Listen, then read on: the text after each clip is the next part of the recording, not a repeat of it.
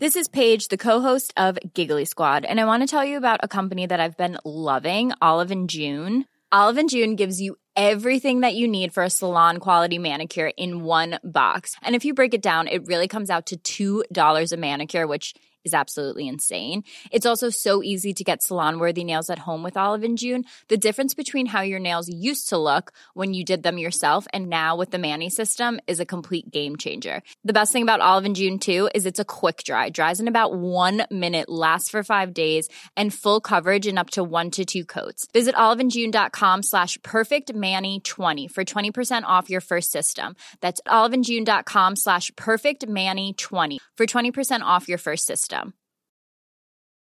Flexibility is great. That's why there's yoga. Flexibility for your insurance coverage is great too. That's why there's United Healthcare Insurance Plans.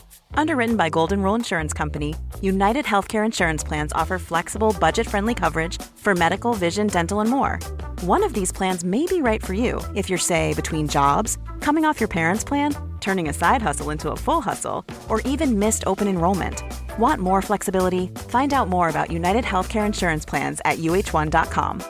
Many of us have those stubborn pounds that seem impossible to lose, no matter how good we eat or how hard we work out. My solution is PlushCare. PlushCare is a leading telehealth provider with doctors who are there for you day and night to partner with you in your weight loss journey. They can prescribe FDA-approved weight loss medications like Wagovi and Zepbound for those who qualify. Plus, they accept most insurance plans. To get started, visit plushcare.com slash weight loss. That's plushcare.com slash weight loss.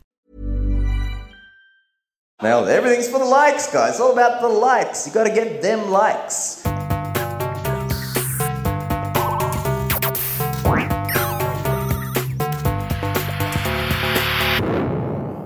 Velkommen til Sinnsyn. Jeg heter Sondre Risom Livre, jeg er psykolog, og dette er Webpsykologens podkast. Hverdagspsykologi for fagfolk og folk flest.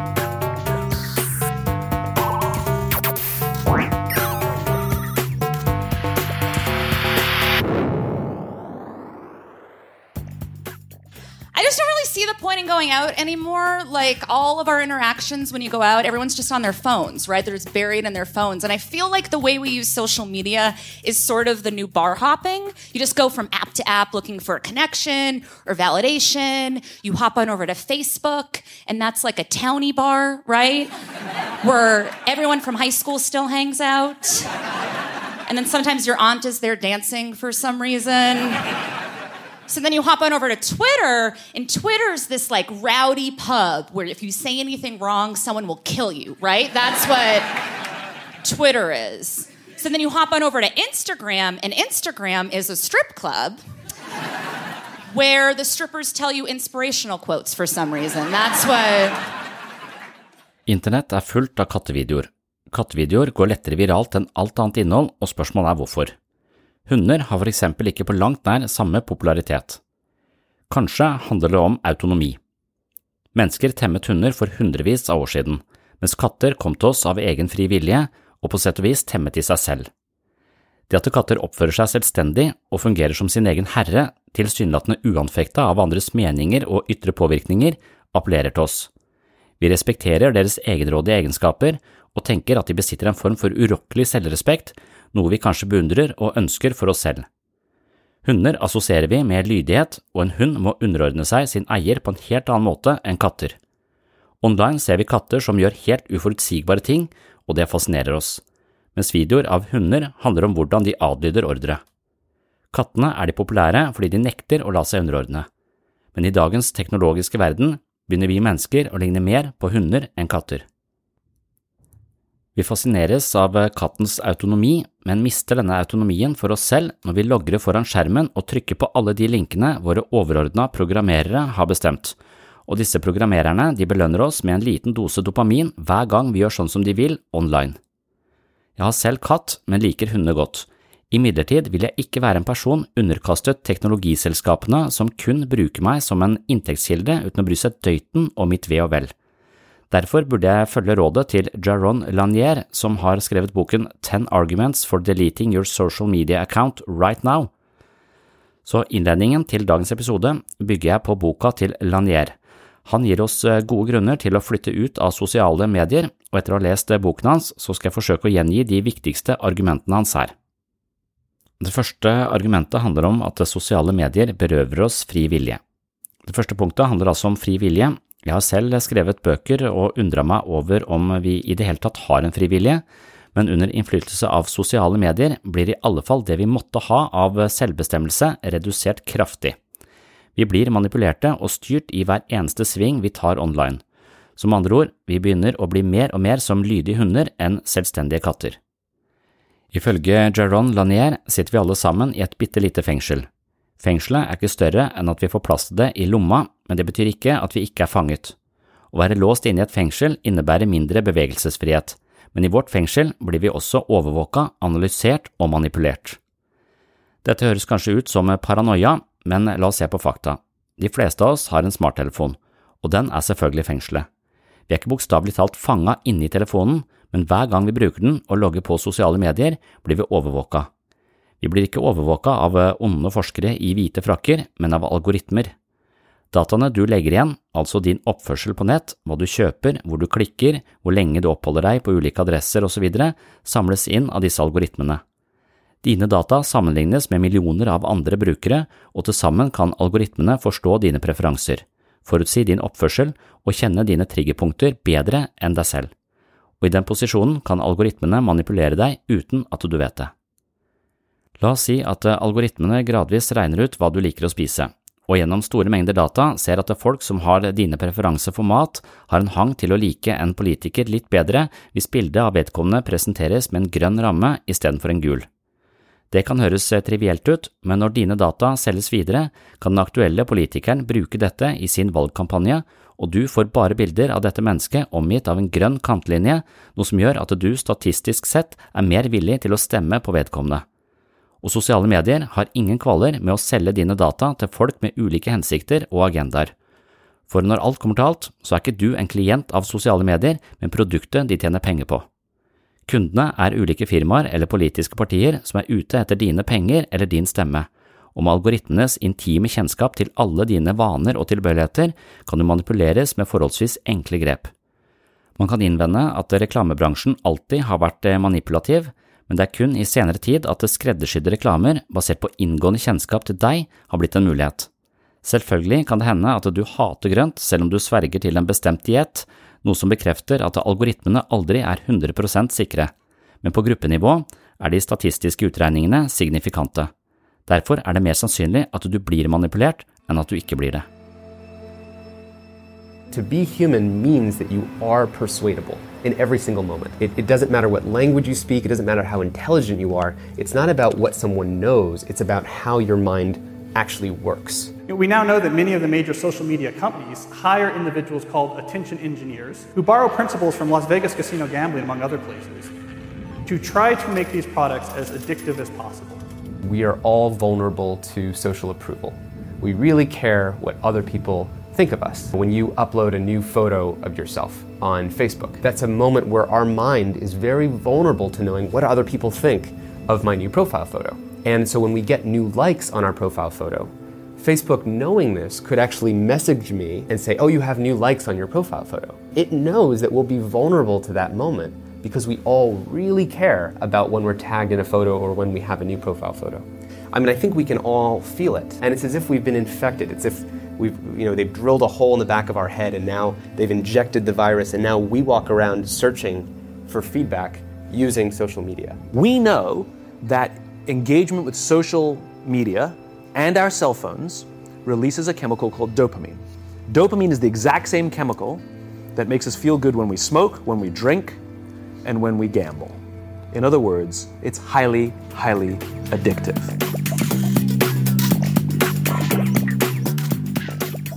Det neste poenget til Jaron Lanier er altså at sosiale plattformer er veldig avhengighetsskapende. Se for deg et barn som får litt godteri hver gang det sier vær så snill. Det er ikke overraskende at denne typen belønning vil øke antall ganger barnet sier vær så snill. Men hva skjer hvis barnet ikke alltid får godteri når det sier vær så snill, men bare av og til. Kanskje ville man anta at barnet spør mindre etter godteri siden slike forespørsler tidvis mislykkes. Det er ikke noe vits i å spørre hvis ikke det fungerer, men atferdspsykologien kan vise oss at disse barna vil si vær så snill mye, mye mer. Behavoristene oppdaget denne tendensen for mange år siden, og den gjelder for både dyr og mennesker. Moderat og delvis uberegnelig feedback engasjerer oss mer enn forutsigbare resultater. Siden målsetningen til sosiale medier er å holde oss engasjerte, drar de veksel på denne kunnskapen fra de gamle atferdsanalytikerne. Den første presidenten i Facebook kalte dette fenomenet for social validation feedback loop. Noen ganger vil folk like bildet du legger ut i feeden, men ikke alltid, og det er dette innslaget av randomisering som gjør at folk blir hekta. I tillegg er algoritmene i sosiale medier designet med tilsvarende innslag av tilfeldigheter.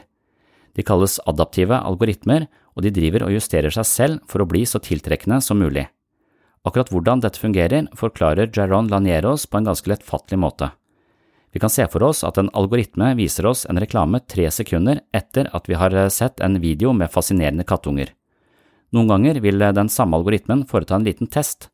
Den kan sette i gang reklamen to og et halvt sekund etter at videoen er ferdig, for å se om sannsynligheten for at vi klikker inn på reklamen øker. Hvis ikke vi kjøper produktet når reklamen kommer to og et halvt sekund etter en eh, video, kan den forsøke seg på tre og et halvt sekund. Men hva hvis eh, ikke det heller har noen effekt? For å unngå å låse seg på tre sekunder, som etter hvert viser seg å ikke fungere optimalt, vil algoritmen fra tid til annen gjøre små, tilfeldige justeringer. Slik vil den kontinuerlig tilpasse seg, og det faktum at algoritmen gjør tilfeldige justeringer, forsterker også avhengigheten hos brukeren, akkurat som et skiftende antall tilbakemeldinger i sosiale medier gjør oss ivrige for å tilkjempe oss mer. Her kommer de atferdspsykologiske elementene inn for å lenke oss til plattformen.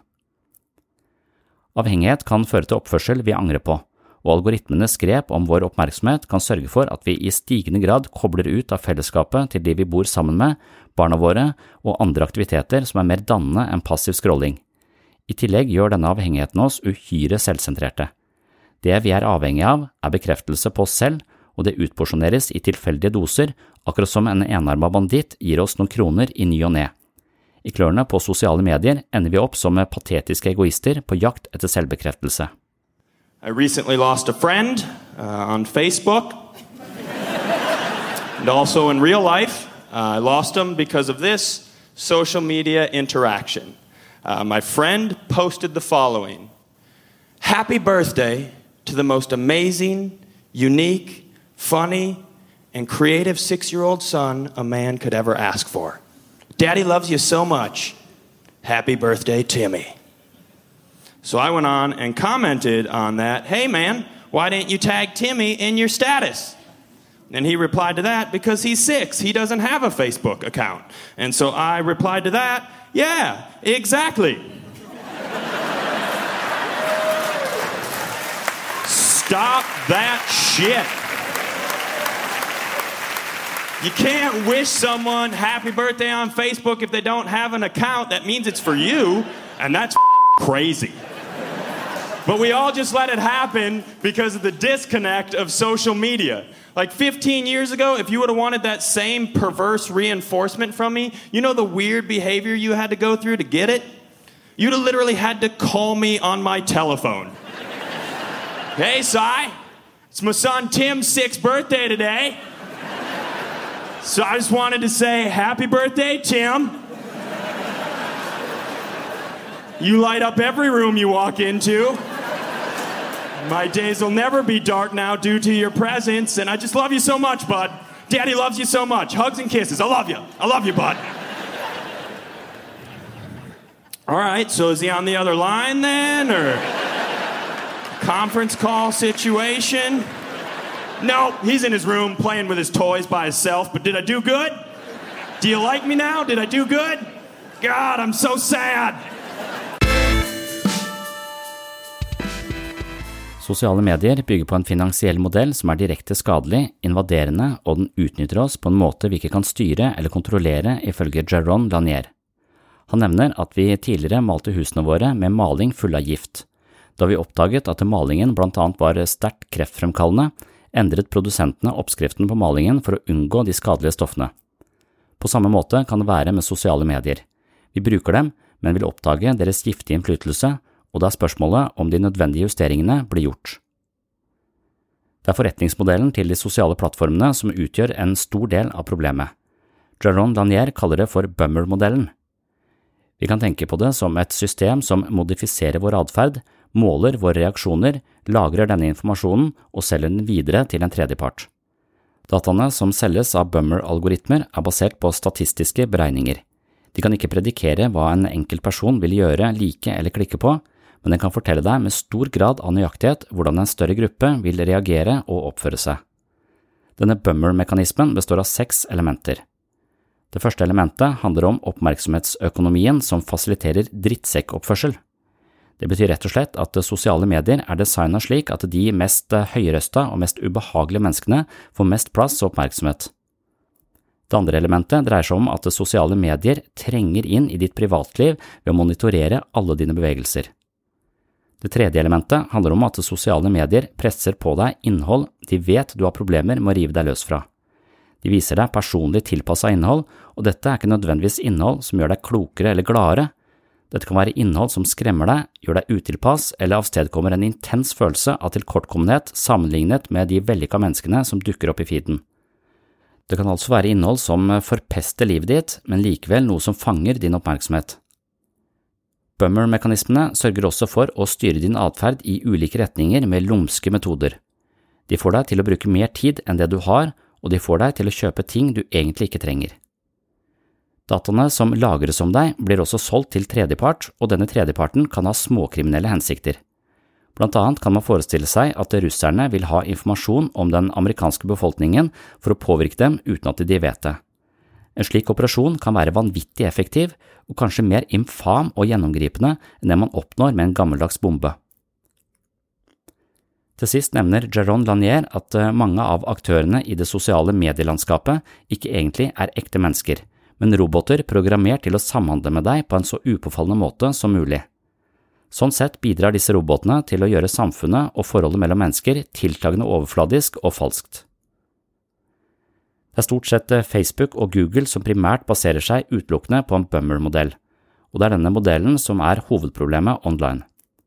Du trenger ikke å kaste din smarttelefon eller slutte å besøke dine favorittnettsider, akkurat som vi ikke sluttet å male husene våre, men du bør være forsiktig med aktører som baserer seg på Bummer-modellen. Jeg har så vidt eh, nevnt det, men et vesentlig problem med sosiale medier er at de trigger mennesker til å oppføre seg ufint. Frekke poster, fornærmelser, krangler og disputter tiltrekker seg mye oppmerksomhet i det sosiale landskapet, også online. På gruppenivå oppfatter brukere at eh, ufin oppførsel blir sett og hørt mer enn høflig samhandling, noe som ansporer folk til å oppføre seg litt dårligere i kampen om oppmerksomheten. Hvorfor skjer egentlig dette? Jaron Lanier mener at mennesket har en innebygd bryter som veksler mellom en individuell modus og flokkmodus. Når vi er på individuell modus, er vi mer interesserte, vennlige og engasjerte i det vi holder på med, men så snart vi går over til flokkmodus, blir det viktig å jobbe seg oppover i hierarkiet og utforske hvilken status man har blant andre, og ikke minst hvordan vi kan øke denne statusen. Plutselig blir kampen om å bli sett, anerkjent og beundra viktigere enn alt annet, og vi begynner å oppføre oss på den måten som algoritmene gir mest plass, altså drittsekkoppførsel. Et annet viktig poeng som bør eh, aktivere vår skepsis til sosiale medier, er hvordan disse plattformene nører opp under falsk informasjon. Når du er ute etter en ny fastlege eller skal se en film, belager du deg ofte på anbefalinger fra andre. Hvis tusenvis av mennesker har eh, likt en film, og anmelderne gir filmen gode karakterer, er det sannsynlig at du også vil like filmen. Vi ser til andre for å ta valg, noe som også foregår i de sosiale mediene. Men her er problemet. Mange av de meningene du finner i sosiale medier, mange av innslagene som er sett millioner av ganger, er sett av falske brukere eller brukere styrt av en kunstig intelligens. Den doktoren som dukker opp i søkeresultatene på Google, trenger ikke å være den beste, men vedkommende kan være likt av tusenvis av roboter. Disse robotene er programmert av store selskaper som lager falske brukere. Ved første øyekast ser de ekte ut, de har Facebook-profiler, familiebilder og de liker klassisk musikk eller noe annet tilfeldig, men de er konstruerte aktører i et marked som får anerkjennelse gjennom mest mulig oppmerksomhet. Kan du få 20 000 følgere på Instagram, ser kontoen din viktig ut og interessant ut, og sjansen for at flere ekte brukere henger seg på, er stor. I en artikkel i New York Times fra 2018 kunne man lese at prisen for 25 000 falske følgere var 225 dollar. Mange sider baserer seg på dating og reklamer med folk i nærheten av deg. Du ser profiler som er ganske upåfallende, og du går til innkjøp av et abonnement. Du får kontakt med folk, men majoriteten av dem kan være roboter som kommuniserer på samme måte som en såkalt chatboot. Etter hvert som disse samtalerobotene blir bedre og bedre, får man en følelse av å være i kontakt med et annet menneske. Internett og sosiale medier er med andre ord fulle av falske grupper og samfunn som jobber for å holde deg okkupert, interessert, og de vil at du skal avgi så mye data og informasjon om deg selv som mulig for å selge det videre. Dette er også en del av årsaken til at internett bobler over av konspirasjonsteorier. Siden kampen hele tiden dreier seg om mest mulig oppmerksomhet, uten hensyn til etterrettelighet, er det opplagt at paranoide konspirasjoner og sinnssyke ideer har sin absolutte beste grobunn på slike arenaer. Klikkvennlige og prangende overskrifter fører deg inn i landskapet som videre er fullt av memes og vanvittige ideer og forestillinger. Bummer-algoritmene følger deg på ferden og viser deg til materiale og ideer som spiller en lignende melodi. Det er dette som kalles ekkokammeret. Slik forsterkes, bekreftes og gjentas informasjon som på ingen måte har hold i virkeligheten, men egner seg som oppmerksomhetsfangere, og for algoritmene spiller det ingen rolle om det er sant eller ikke. Et aktuelt eksempel er vaksinemotstandere. Vaksiner har reddet tusenvis, for ikke å si millioner, av mennesker, og spesielt barn, fra å dø av kopper, meslinger og andre sykdommer.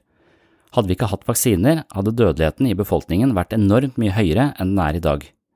Vaksiner er et livreddende gode, men likevel er det foreldre som nekter å vaksinere barna sine. Den paranoia-elskende bummer-teknologien abonnerer partikler som ikke reflekterer virkeligheten, men som får deg til å måpe, føle at du har avslørt noe viktig eller skjønt noe som ingen andre forstår.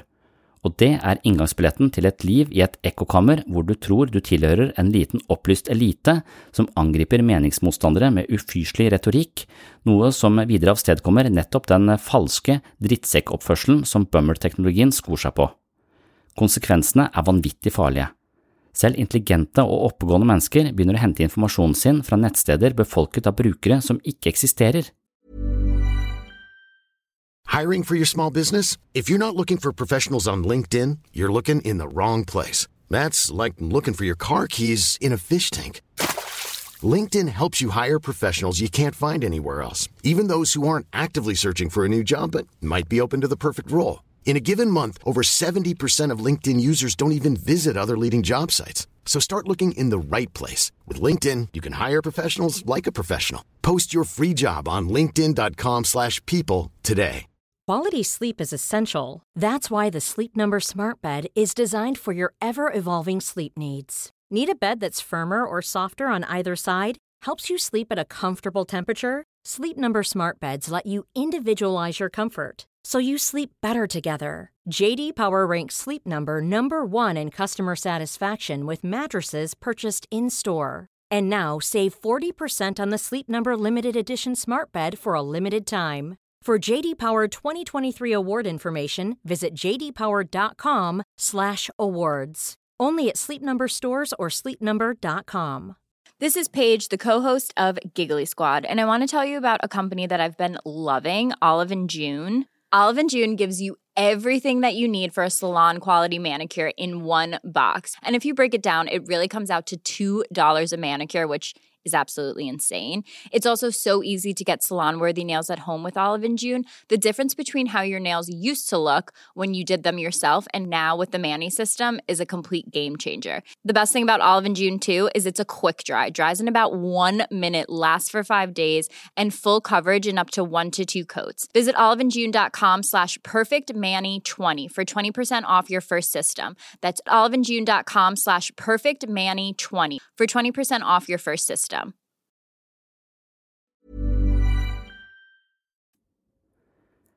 Et annet vesentlig problem med sosiale medier er at konteksten forsvinner.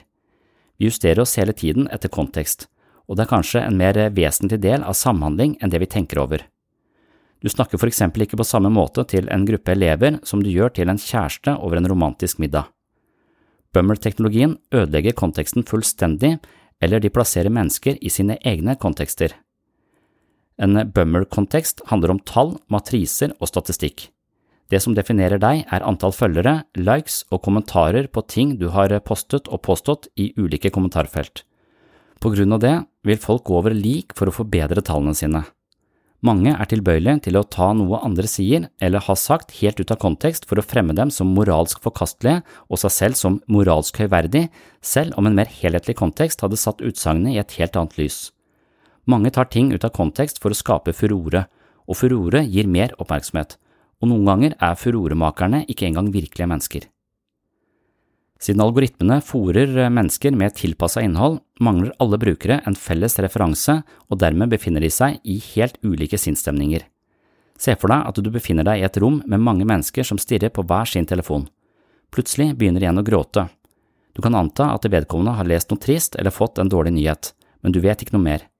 Slik er det i sosiale medier hele tiden.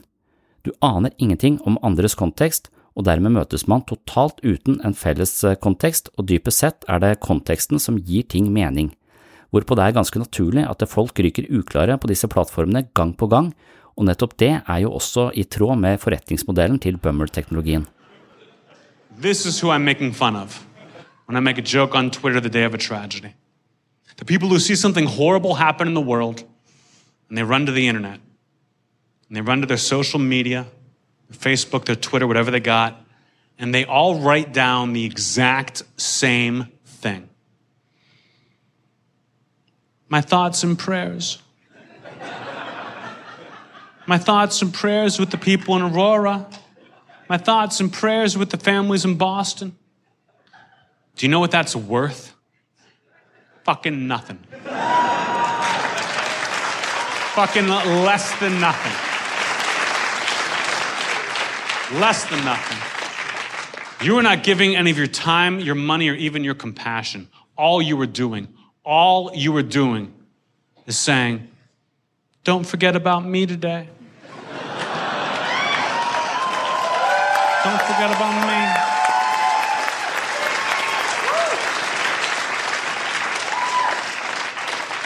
Lots of crazy distractions in the news right now, but don't forget how sad I am.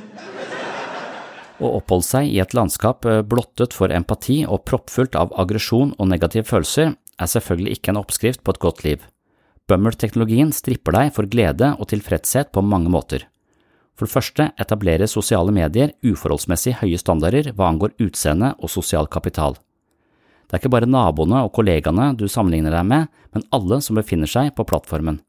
Sjansen for å føle seg liten og tilkortkommen er enorm i sosiale medier. Facebook har faktisk reklamert med at de evner å gjøre folk ulykkelige. Hvorfor? Fordi de lever av å manipulere folk. Evnen til å påvirke folks følelser, atferd og holdninger er det de selger, og dermed er eh, ulykkelige mennesker på Facebooks eh, fortjeneste noe de kan skryte av til potensielle kunder som betaler for denne typen manipulasjon av oss. I tillegg er det viktig for sosiale medier at vi føler oss mindre vellykka, halvveis deprimerte, undermåls og ulykkelige. Hvis vi hadde vært tilfredse, tilbrakt tid med venner og bekjente i naturlige omgivelser, er det mindre sjanse for at vi logger på og bidrar i bummer-maskineriet. Det er når vi er miserable vi stadig undersøker om vi har høstet noen nye likes eller kommentarer som kan gi oss en flyktig følelse av verdi. Det er jo nettopp denne dynamikken som gjør oss avhengige. Til sist vil jeg nevne at Jaron Lanier tenker på sosiale medier som et nytt spirituelt rammeverk som gjør det mulig å hacke mennesker. Når vi lefler med bummer-tjenester, er vi på sett og vis fanga i et slags bur hvor vi analyseres, men denne sammenligningen går glipp av det enorme omfanget. Det er ikke bare et par mennesker som blir manipulerte, men hele samfunn. På den måten ligner bummer-teknologien på religion. Det er et organisert system som influerer og veileder, både direkte og mer subtilt, en stor andel av jordens befolkning. Dermed vil bruken av sosiale medier resultere i at vi adopterer et nytt spirituelt rammeverk, slik Jaron Lanier uttrykker det. Tradisjonelle spirituelle tradisjoner har til hensikt å utforske de mystiske og mest dyptgripende spørsmålene ved menneskets eksistens. Hva er meningen med livet, hvorfor er vi her, hva skjer når vi dør? Dette er spørsmål som ikke kan besvares fullstendig av naturvitenskap, og det er nettopp det at vi stiller slike spørsmål som gjør oss til mennesker. Bummer-teknologien har også et eh, svar på denne typen spørsmål, og svaret er både kort og enkelt. Optimalisering er meningen med livet. Google sin offisielle målsetning er å organisere all verdens informasjon. I Silicon Valley oversettes denne målsetningen og lyder som følger. Målet er å organisere all virkelighet, siden informasjon i teknologiske termer er virkeligheten. I mellomtiden strever brukerne av sosiale medier med å optimalisere sin tilstedeværelse online og justere sine videoer slik at de rangerer høyere i søkemotorene. Et slikt etos gir ikke rom for spiritualitet, og det er ingen mysterier igjen. Optimalisering har overtatt. Kroppen er noe som til syvende og sist blir hacket, og det samme gjelder det mentale. Det gamle religiøse rammeverket, som baserte seg på ånd og sjel, erstattes av et eh, nytt teknologisk rammeverk basert på optimalisering i klørne på Bummer-algoritmer. I det nye rammeverket har ikke mennesket noen særegen plass i skapverket. Vi er på linje med alt annet, som dataprogrammer, roboter, gadgets og alt annet som befinner seg av gjenstander under solen. Med andre ord har Bummer-teknologiens kolonisering av livene våre fordervet eller nærmest tilintetgjort sjelen. Bummer er ikke noe som bare invaderer vår verdighet, moral, følelser og privatliv, men det fratar oss i tillegg fornemmelsen av å være et unikt menneske. I en bummer-verden er du ikke noe annet enn et kjøttvesen diktert av mentale algoritmer som bestemmer din atferd. Algoritmene kan hackes, og du kan styres på linje med en hvilken som helst annen teknologisk duppedings. Hvis du vil ha sjelen din tilbake, må du nesten slette Facebook. Det er ganske tankevekkende, synes jeg, som jo er en bruker av Facebook, foreløpig i alle fall. Boka til Jaron Lanier var virkelig tankevekkende for meg, og derfor vil jeg gi deg en ganske utførlig gjennomgang av de viktigste poengene. Nå tar vi turen til en liten monolog hvor jeg drodler videre over denne tematikken, men først et lite innspill fra Drew Michael. It is an interesting thing to think about, though, the idea that technology itself is the problem, not just individual technologies. We don't really think about it that way. Like, there's a lot of different technologies that we have that we don't really contemplate whether or not they're helping our lives or hurting. Like, social media, I think, is a big one. Like, I hate, like, Facebook, I hate Facebook. I hate it. I hate it. I spend about 12 hours a day on it, but I don't. I don't like it. I'm not, nobody likes Facebook, right? Nobody does anyone close out of that window like, "Wow, what a great session," and then start their day no, everyone everyone likes it. I feel myself hating it and becoming a worse person as I'm on it. Like I'll scroll through, just like, fuck you. Eat shit. Die. Die. Like, why do I keep going? I keep going back because I think I want to see one glimmer of hope for humanity. Some post that makes me go, yes, somebody gets it. I'm not alone on this planet, but it never comes. The news feed is just a bottomless pit of like wrong opinions and pictures of mediocre babies. And oh, here's some asparagus I sauteed. And oh, here's a BuzzFeed quiz. Like, which Ninja Turtle is your dick? Like, that's not even. Is it Raphael or is it. Who cares? Why am I here?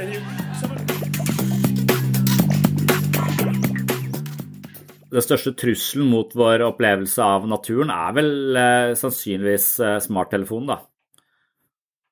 Og at disse algoritmene er bygd opp. altså Der er det kloke atferdsanalytikere som vet hvordan eh, mennesker fanges av ting.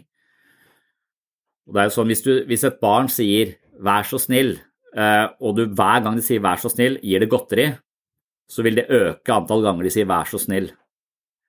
Men hvis du får et barn til å si 'vær så snill', og så gir det godteri bare innimellom, så vil det øke antall ganger de sier 'vær så snill' enda mer. Sånn at, eh, sånn at eh, nettopp denne og nettopp denne type atferdsanalytiske innsikten den har de adoptert i de sosiale mediene, spesielt eh, Facebook og Google, som er avhengig av folks eh, oppmerksomhet og tjener penger på Vi er jo ikke Vi er, vi er liksom produktet til Facebook, og det å holde oss mest mulig der, det er eh, målet deres. Og de skjønner da at det også, også hele tiden lage algoritmer som gjør at vi får så så mange likes da, og så vil vi ha litt mer, og så får vi ikke så mange. altså at det også, De hele tiden styrer med en viss sånn tilfeldighet. Om vi får det vi ønsker, så blir vi hekta på en, på en ganske eh, kraftig måte.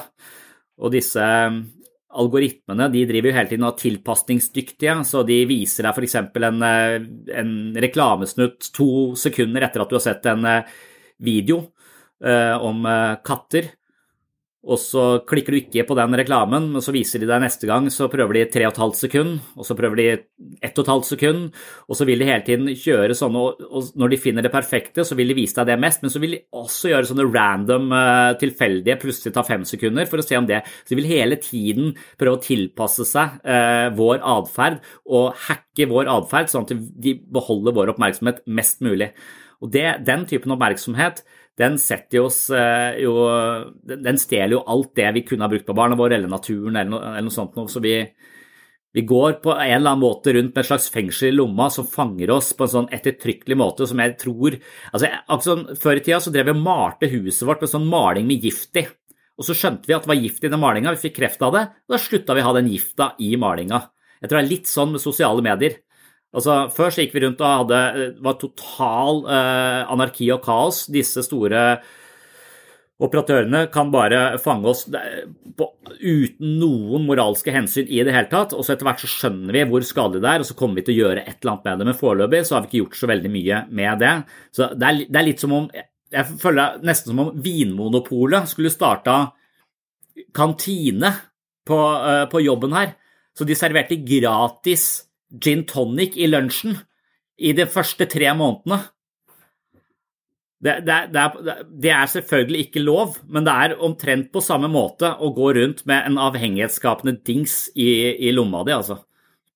Så det er klart at når det er bygd inn så mange avhengighetsskapende tendenser i disse nettbrettene som barn blir satt foran, så kjemper du en ganske hard kamp da, mot, uh, uh, mot uh, ting som er ganske mye mer interessante enn det du klarer å være.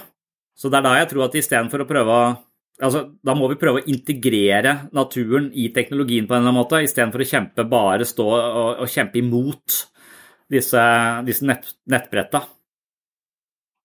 Det, det, var det som jeg syntes var fint med å ha små barn når jeg var hjemme i permisjon, at jeg gikk tur hver dag. Mitt problem var at de sovna. Det er vel en beroligende altså, Uansett hvor mye de har sovet, altså, så sovna de umiddelbart i skogen. Altså, de, eh, så det er vel den beroligende effekten av den eh, tok de vekk fra iPaden.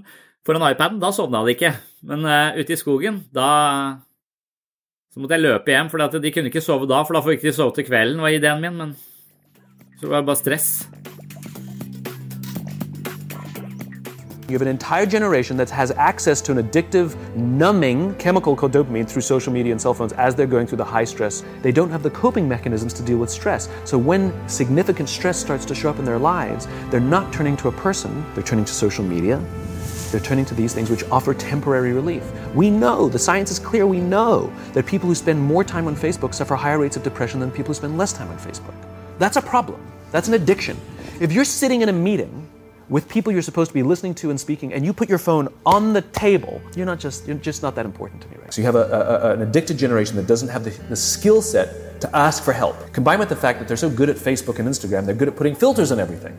So they're good at showing you how smart and strong they are. These kids who commit suicide, you go look at their Instagrams, you would have no clue that they were depressed. People look like they have a much better life than they really do. People are posting pictures of when they're really happy. They're modifying those pictures to be better looking. People basically seem they're way better looking than they basically really are, and they're way happier seeming than they really are. So if you look at everyone on Instagram, you might think all these happy, beautiful people. And I'm not that good looking and I'm not happy, so I must suck. Some of the happiest seeming people, actually some of the saddest people in reality.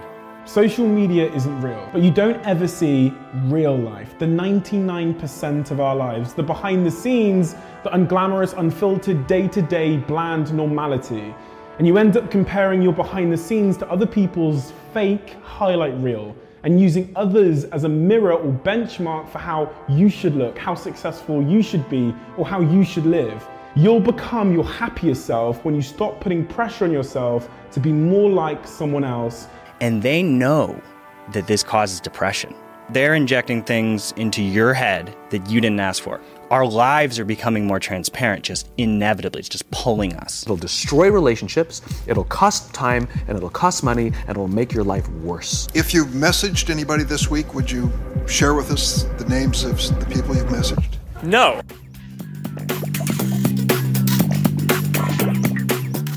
Det siste segmentet i denne episoden, hvor jeg snakker en del om eh, forholdet mellom eh, natur og teknologi, altså før du fikk denne beskjeden om hvordan sosiale medier ødelegger livet ditt, det var altså kun et eh, kort utdrag fra en lengre refleksjonsrunde omkring naturens påvirkning på menneskers fysiske og psykiske helse, og hvordan sosiale medier fanger oss i et teknologisk oppmerksomhetsfengsel. Konsekvensene av ureflektert omgang med sosiale medier er vanvittig. De sosiale plattformene er ikke bare skadelige for vår psykiske og fysiske helse, men også for vår integritet, oppførsel, moralske tilbøyeligheter, empatiske evner og mellommenneskelige prioriteringer. Vil du høre hele dette foredraget, kan du gå til episode 32 på Patron. Denne episoden heter rett og slett Natur og helse, og den beveger seg videre innover i forholdet mellom natur og vår teknologiske livsførsel. I tillegg finner du nærmere 100 andre poster fra denne podkasten inne på min Patron-side. Vil du ha mer sinnssyn hver måned, kan du også gå til patron.com for slash sinnssyn.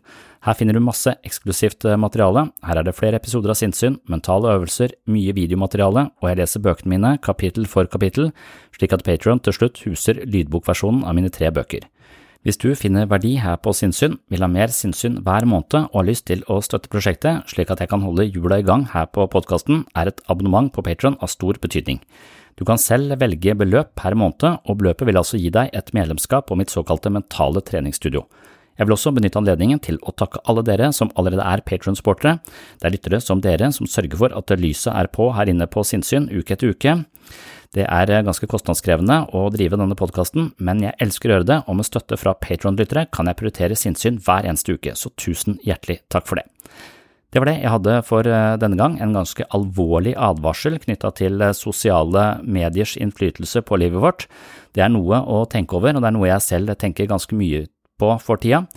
Jeg veit at Facebook-feeden min er et tidssluk som både stjeler tiden min, oppmerksomheten min, og kanskje i tillegg hjernevaske meg, så der bør jeg kanskje snart eh, ta et eh, oppgjør.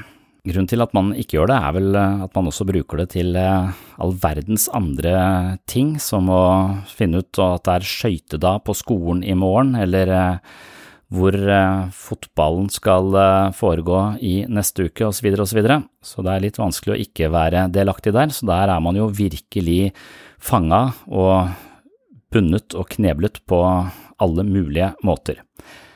Men vi bør i hvert fall eh, delta og være aktive på disse bummer-plattformene med omhu. Det kan vi i hvert fall eh, slå fast etter å ha gått gjennom argumentene til han Jaron Lanier da, fra denne boka som heter eh, Ti grunner til å logge seg av sosiale medier umiddelbart. Det er overskriften på den boka hans. Yes, det var det jeg hadde for eh, denne gang. Håper du henger med i en ny episode om eh, kun kort tid.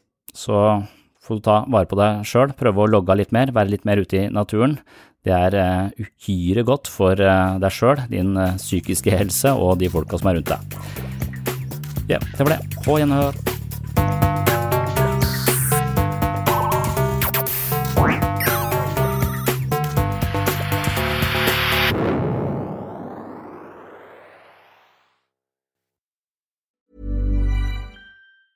Hi, I'm Daniel, founder of Pretty Litter. Did you know cats tend to hide symptoms of sickness and pain? I learned this the hard way after losing my cat, Gingy. So I created Pretty Litter, a health monitoring litter that helps detect early signs of illness by changing colors, saving you money and potentially your cat's life. Pretty Litter is veterinarian developed, and it's the easiest way to keep tabs on your fur baby's health right at home. Go to prettylitter.com and use code ACAST for 20% off your first order and a free cat toy. Terms and conditions apply. See site for details. Even when we're on a budget, we still deserve nice things.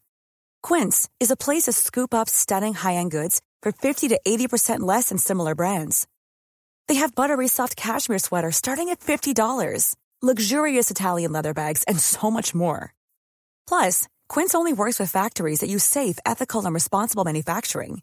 Get the high-end goods you'll love without the high price tag with Quince. Go to quince.com slash style for free shipping and 365-day returns. Here's a cool fact.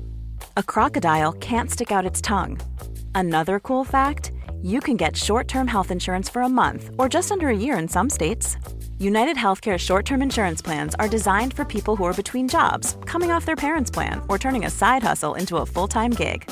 Underwritten by Golden Rule Insurance Company, they offer flexible, budget friendly coverage with access to a nationwide network of doctors and hospitals. Get more cool facts about United Healthcare short term plans at uh1.com.